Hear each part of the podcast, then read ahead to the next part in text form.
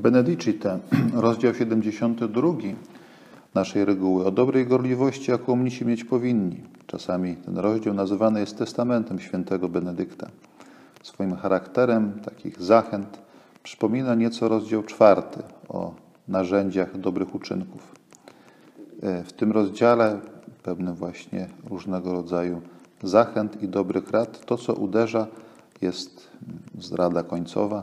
Niech nic nigdy nie będzie dla nich ważniejsze od Chrystusa, który oby raczył razem nas doprowadzić do życia wiecznego. Święty Benedykt na koniec swojej reguły przypomina nam o tym, co najważniejsze, a najważniejszym jest Chrystus, który do klasztoru nas przyprowadził, Chrystus, który dał nam naszych małżonków, który dał nam nasze dzieci, nasze rodziny, wspólnoty, w których jesteśmy. Jeśli dla nas Chrystus będzie najważniejszy, miłość do Niego i przykazania, które nam dał, wówczas nasze wspólnoty i nasze życie będą pełne sensu i miłości.